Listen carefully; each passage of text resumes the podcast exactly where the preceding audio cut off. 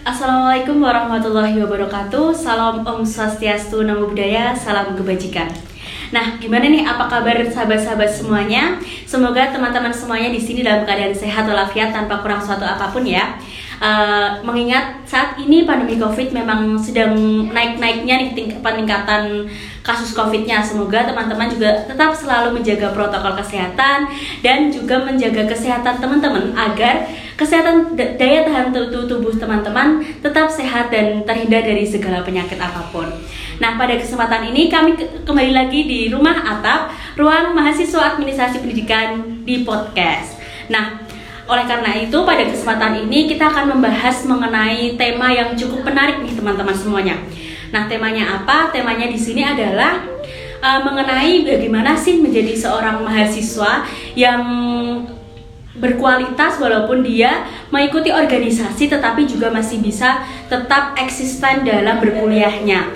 Oleh karena itu saat ini saya telah dibersamai oleh Mas Nofrizal Hidayat. Mas Nofrizal ini adalah Ketua Himpunan Mahasiswa Administrasi Pendidikan di tahun 2019 ya Mas ya, di iya. tahun 2019. Nih gimana nih apa kabar Mas Rizal? Bagaimana kabarnya hari ini? Baik, Merita, alhamdulillah sehat. Alhamdulillah. Nah, mungkin Mas Rizal boleh memperkenalkan diri terlebih dahulu ini untuk teman-teman semuanya. Halo teman-teman semuanya, perkenalkan aku Ahmad Abu Hidayat, biasa dipanggil Rizal dari Manajemen Pendidikan angkatan 2017. Salam kenal semuanya. Oke, nah eh, bahagia ya Mas ya keadaannya saat ini? Alhamdulillah. Bahagia. senang ya? Eh, senang. sehat mas? Sehat ya? Sehat sehat. Alhamdulillah sehat. Nah uh, untuk saat ini mas Rizal nih kalau boleh tahu aktif atau keaktifan kegiatannya selama pandemi ini di apa mas? Kegiatannya sehari-hari atau di organisasi mana kayak gitu? Kalau aktif aku sekarang aktif di apa ya ya baru aktif jualan jualan, jualan. tanaman. Jualan tanaman. Kalau organisasi ya aktif di GMNI GMNI UNJ sama hmm bikin-bikin sanggar belajar di rumah.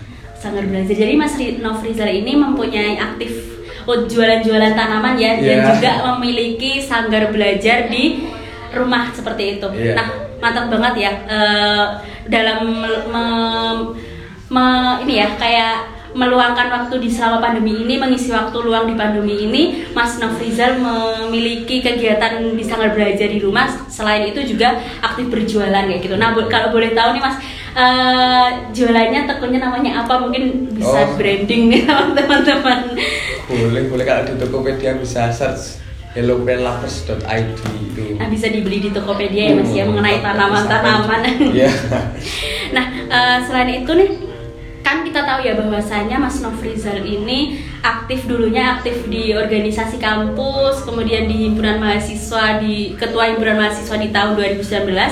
Nah, kalau menurut Mas Nofrizal ini urgensi sendiri urgensi sendiri ketika kita mengikuti organisasi itu seperti apa, Mas? Oke, kalau urgensi bicara urgensi ya, tiap orang pasti akan beda-beda menjawab hmm, seberapa prioritaskah ikut organisasi gitu PR mahasiswa saat ini kulihat ketika mahasiswa memutuskan untuk gabung organisasi adalah mereka belum tahu apa yang ingin diambil dari ikut organisasi. Nah, PR terbesarnya adalah teman-teman sebelum masuk organisasi itu harus tahu dulu apa keinginan teman-teman, apa yang ingin teman-teman ketahui, apa yang teman-teman ingin pelajari ikut organisasi. Bukan hanya akhirnya ikut teman-teman, ikut teman-temannya, ikut-ikutan biar eksis lah dan lain-lain. Itu itu pikiran-pikiran yang kira harus dihindari. Nah seberapa urgent ketika uh, ketika pertanyaannya adalah seberapa urgent akan urgent ketika teman-teman memang me, membutuhkan eh, pengalaman-pengalaman itu pengalaman ataupun pengetahuan ketika ikut organisasi dan teman-teman belum dapat pengalaman itu di mana pun. Nah itu kan menjadi urgent ketika sudah men, uh, sampai titik itu gitu. Jadi uh, ketika teman-teman sudah paham diri diri teman-teman sendiri pengennya apa pengen belajar apa dan lain-lain itu akan menjadi urgent ikut organisasi Oke, jadi ketika kita sebelum mengikuti organisasi, kita juga harus tahu ya niat kita Hmm. mengikuti organisasi tersebut agar kita juga mendapatkan manfaat ya Mas dari Iya. mengikuti ke organisasi tersebut. Nah, mantap sekali. Nah, kemudian kalau menurut Mas Nofrizal sendiri nih, eh, apa sih manfaat kita ketika kita mengikuti organisasi ini ataupun mengikuti kegiatan-kegiatan di luar perkuliahan untuk meningkatkan skill mahasiswa, Mas? Oke. Yang kita dapatkan di organisasi luar luar eh, perkuliahan ya, itu adalah eh, soft skill soft skill misal public speaking, menjalin relasi dengan yang lain, berpikir kritis dan lain walaupun akhirnya eh, itu bisa didapatkan juga di dalam perkuliahan, tapi praktek langsung dengan orang-orang lain dengan proyek ataupun program kerja itu akan dilaksanakan di luar perkuliahan. Nah, eh, ketika teman-teman akhirnya berkutat di pembelajaran kampus saja, itu teman-teman hanya fokus untuk kuliah saja di akademik saja, teman-teman akhirnya kurang begitu paham dunia luar itu seperti apa. Nah, ketika teman-teman ingin mencoba mengeksplor pengetahuan-pengetahuan ataupun eh, keinginan teman-teman berproses aktualisasi diri te- lebih tepatnya seberapa sih kemampuanku akhirnya di dalam pembelajaran kita praktekkan langsung di luar nah itu salah satu jalannya adalah ikut organisasi itu Oke, jadi ketika kita mengikuti organisasi, kita juga eh, pada intinya kita juga mengaktualisasikan diri kita, Aktualisasi. mempraktekkan apa yang kita dapatkan di perkuliahan ya Mas ya.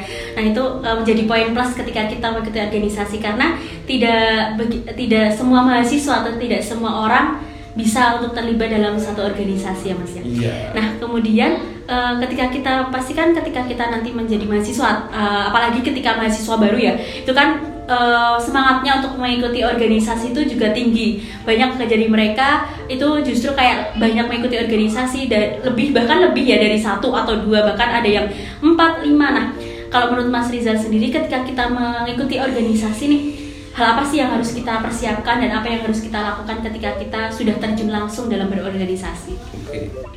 Pertama kita harus melihat prioritas diri dulu. Misal akhirnya teman-teman di dalam strata ekonomi yang kekurangan dalam artian teman-teman masih dibatasi eh, keuangannya, berarti teman-teman akhirnya coba untuk mengaktualisasi diri dengan mengikuti organisasi yang profit. Itu. Akhirnya prioritas teman-teman akhirnya ketika strata ekonominya itu aman dalam artian orang tua teman-teman ataupun yang membiayai teman-teman kuliah itu sudah eh, sudah monggo nak belajar oh wis rasa mikir duit kayak gitu. Aman dalam artian strata ekonomi aman. Teman-teman coba meng- eh, yang pertama adalah coba mengetahui dulu keinginan teman-teman. Itu belajar di bidang apa? Karena pilihan organisasi itu banyak. Kita nggak hanya bicara tentang organisasi yang ada di UNY walaupun UNY sudah banyak sudah sangat eh, variatif pilihannya tapi di luar sana masih banyak sekali. Nah teman-teman misal akhirnya ingin belajar bagaimana caranya eh, mengelola sebuah event ataupun belajar hmm, politik kampus gitu itu bisa ikut bem oh teman-teman misal ingin belajar akhirnya belajar mengaktualisasikan diri penelitiannya bisa UKM penelitian gitu. Nah teman-teman misal akhirnya mencoba untuk berproses di masyarakat pengabdian di masyarakat bisa ikut akhirnya lembaga-lembaga swadaya masyarakat gitu di luar di luar kampus. Jadi opsi-opsi itu banyak sekali yang akhirnya teman-teman coba pilih. Tapi teman-teman harus menentukan dulu apa yang ingin teman-teman pelajari. Itu yang kutekankan berkali-kali karena teman-teman kadang belum tahu nih mau belajar apa akhirnya nyebur aja ke organisasi nyebur aja ke UKM itu kukira nanti teman-teman untuk memperoleh sesuatu hal yang ingin diperoleh teman-teman itu agaknya kurang pas gitu kalau belum tahu tujuan dirinya sendiri. Oke, jadi ketika kita mengikuti organisasi kita juga harus tujuannya itu mau arahnya ke mana seperti itu ya mas. Jadi eh, agar sesuai dengan kondisi. Mas Rizal tadi kan kita juga tahu ya bahwasanya banyak nih teman-teman bahkan di MS sendiri itu yang memilih mengikuti organisasi apalagi maba itu banyak banget nih ada yang lima bahkan ada yang melebihi lima tersebut kayak gitu. Ada yang juga ya walaupun ada juga yang mayoritas kayak dua satu. Nah menurut Mas Rizal sendiri itu berapa sih maksimal mahasiswa itu mengikuti organisasi? Dan apa konsekuensinya ketika mahasiswa itu mengikuti berlebih berlebih atau dalam artian kuantitas organisasi yang dia ikuti itu berlebihan kayak gitu Oke, ketika bi- berbicara berapa maksimal atau minimalnya ya, kira nggak ada patokan khusus. Patokannya adalah diri teman-teman sendiri mampunya berapa. Bahkan kalaupun misal akhirnya teman-teman nggak ikut organisasi, ya nggak masalah. Tapi dengan catatan, teman-teman tahu alasan kenapa nggak ikut berorganisasi. Nah, banyak teman-teman akhirnya tidak ikut organisasi teman-temanku ya banyak yang ikut organisasi eh tidak ikut organisasi itu karena akhirnya teman-teman mencari uang membantu perekonomian keluarga. Nah itu akhirnya pengalaman teman-teman juga ditempa di tempat kerja itu gitu. Jadi organisasi me- melihat organisasi itu adalah sebuah tempat untuk berproses selain di kelas. Nah ketika teman-teman akhirnya pengen eh, mencoba banyak organisasi di tengah kuliah itu it's no problem ketika teman-teman eh, kuliahnya juga aman gitu. Ikut banyak organisasi tapi juga tidak meninggalkan kewajiban untuk kuliah. Karena teman-teman masuk kampus tujuannya untuk kuliah untuk lulus kan. Apa, eh, mungkin regulasi-regulasi seperti lulus maksimal 12 semester itu yang akhirnya sedikit menghambat teman-teman untuk berproses di organisasi ya gitu. Tapi emang ketika teman-teman tujuan dikuliahkan oleh orang tuanya itu adalah kuliah dan lulus ya itu jangan ditinggalkan. Nah pengukuran pengukuran maksimal berapa itu teman-teman yang tahu. Akhirnya teman-teman di situ akan belajar cara memprioritaskan mana yang akhirnya penting mana yang bisa eh, nanti dulu nanti dulu gitu dan akhirnya teman-teman belajar di situ tanggung jawab. Nah, ketika ikut organisasi tanggung jawab melakukan tugas-tugas organisasi. Itu. Ya jadi ketika kita ingin nih ikut banyak organisasi kita juga harus tahu ya kemampuan diri kita itu bagaimana. Dan tentunya kita juga harus tetap tanggung jawab nih pada organisasi yang kita ikuti tersebut. Nah, eh, kalau menurut Mas Rizal sendiri bagaimana sih ketika kita dalam berkuliah ini selama kuliah itu mengikuti banyak organisasi apa yang harus kita lakukan sebagai seorang mahasiswa atau mengikuti banyak kegiatan nggak hanya organisasi sih biasanya kayak kepanitiaan ataupun kegiatan-kegiatan lainnya. Oke. Eh, ketika teman-teman akhirnya mengikuti banyak kegiatan atau organisasi di kampus dengan tanggung jawab kuliah juga, teman-teman dipaksa dan harus memanajemen waktu yang baik.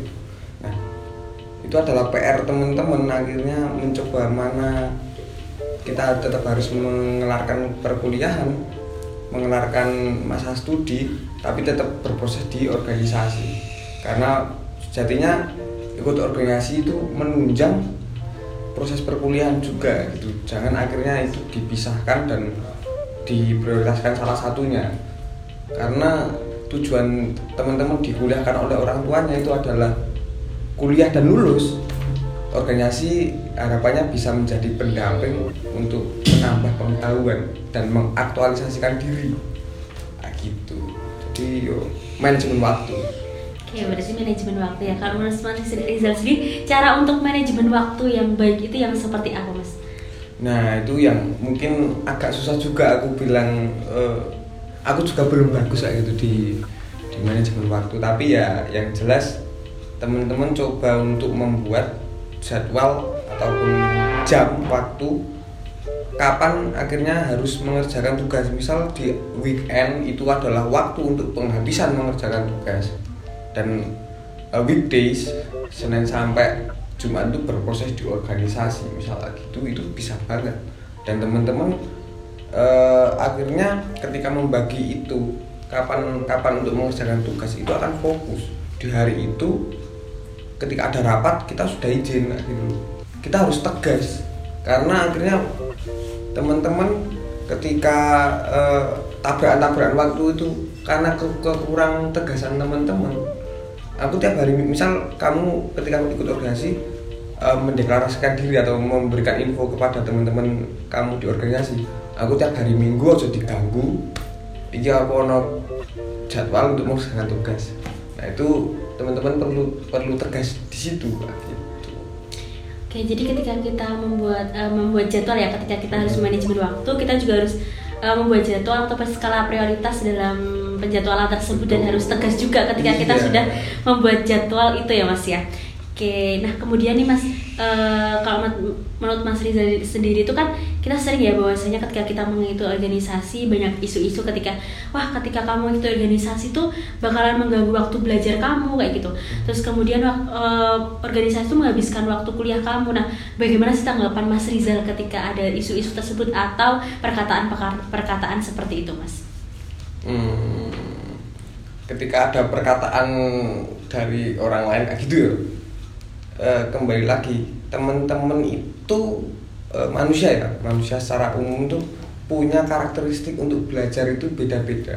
Ada yang akhirnya teori lebih nyaman teori di kelas mendengarkan ataupun diskusi di kelas ataupun di luar dengan cara praktek langsung terjun ke masyarakat langsung. Itu ada teman-teman eh, akhirnya mana yang teman-teman rasa nyaman gitu. Nah ketika ada akhirnya orang-orang yang berbicara negatif tentang teman-teman yang ikut organisasi ya buktikan dengan hasil. Eh, nggak usah akhirnya teman-teman mengcounter narasi itu dengan ya enggak gini gini gini." nggak usah. Buktikan dengan hasil. Teman-teman kuliah aman organisasi juga berprogres. Teman-teman berprestasi yus menjawab semuanya Oke, jadi ketika kita menanggapi tanggapan-tanggapan seperti itu, kita juga nggak harus menanggapinya dengan perkataan ya mas, tapi kita juga lebih utamanya kita justru membuktikannya dengan hasil, dengan prestasi ataupun dengan eh, pokoknya prestasi yang kita bisa tunjukkan kepada orang-orang bahwasanya mengikuti organisasi itu nggak cuma nggak bakalan mengganggu waktu belajar atau waktu kuliah kita seperti mas ya. Nah kemudian nih mas, eh, bagaimana sih tips dan trik Mas Rizal ketika kita harus uh, memilih organisasi yang baik untuk kita gitu. kembali lagi ke awal tadi ya. Eh, ketika eh, sebelum memilih organisasi yang ingin kita ikuti kita diri diri teman-teman itu perlu mengetahui apa sih yang diinginkan teman-teman. Teman-teman pengen jadi apa? Itu minimal karena aku masih melihat banyak mahasiswa sekarang itu masih kalau ditanyain cita-cita masih bingung misal aku tanya aku Merita cita-citamu apa Mer? Menteri Pendidikan. Nah, berarti kan akhirnya kita berproses di eh, pendidikan, Eh, ikut organisasi yang banyak membahas isu-isu pendidikan ataupun praktek langsung di pendidikan kayak gitu kan. Nah, ya itu akhirnya teman-teman coba gali lagi cita-cita teman-teman, keinginan teman-teman itu apa. Misal akhirnya teman-teman ingin jadi politisi, ya ikut organisasi-organisasi yang belajar politik BEM misal mencalonkan diri menjadi ketua BEM, ketua HIMA gitu. Itu belajar proses belajar itu di situ. Nah, kalau teman-teman akhirnya nggak tahu mau belajar apa, cari tahu dulu. Kalau belum tahu, cari tahu lagi. Kalau belum tahu, tanya gitu.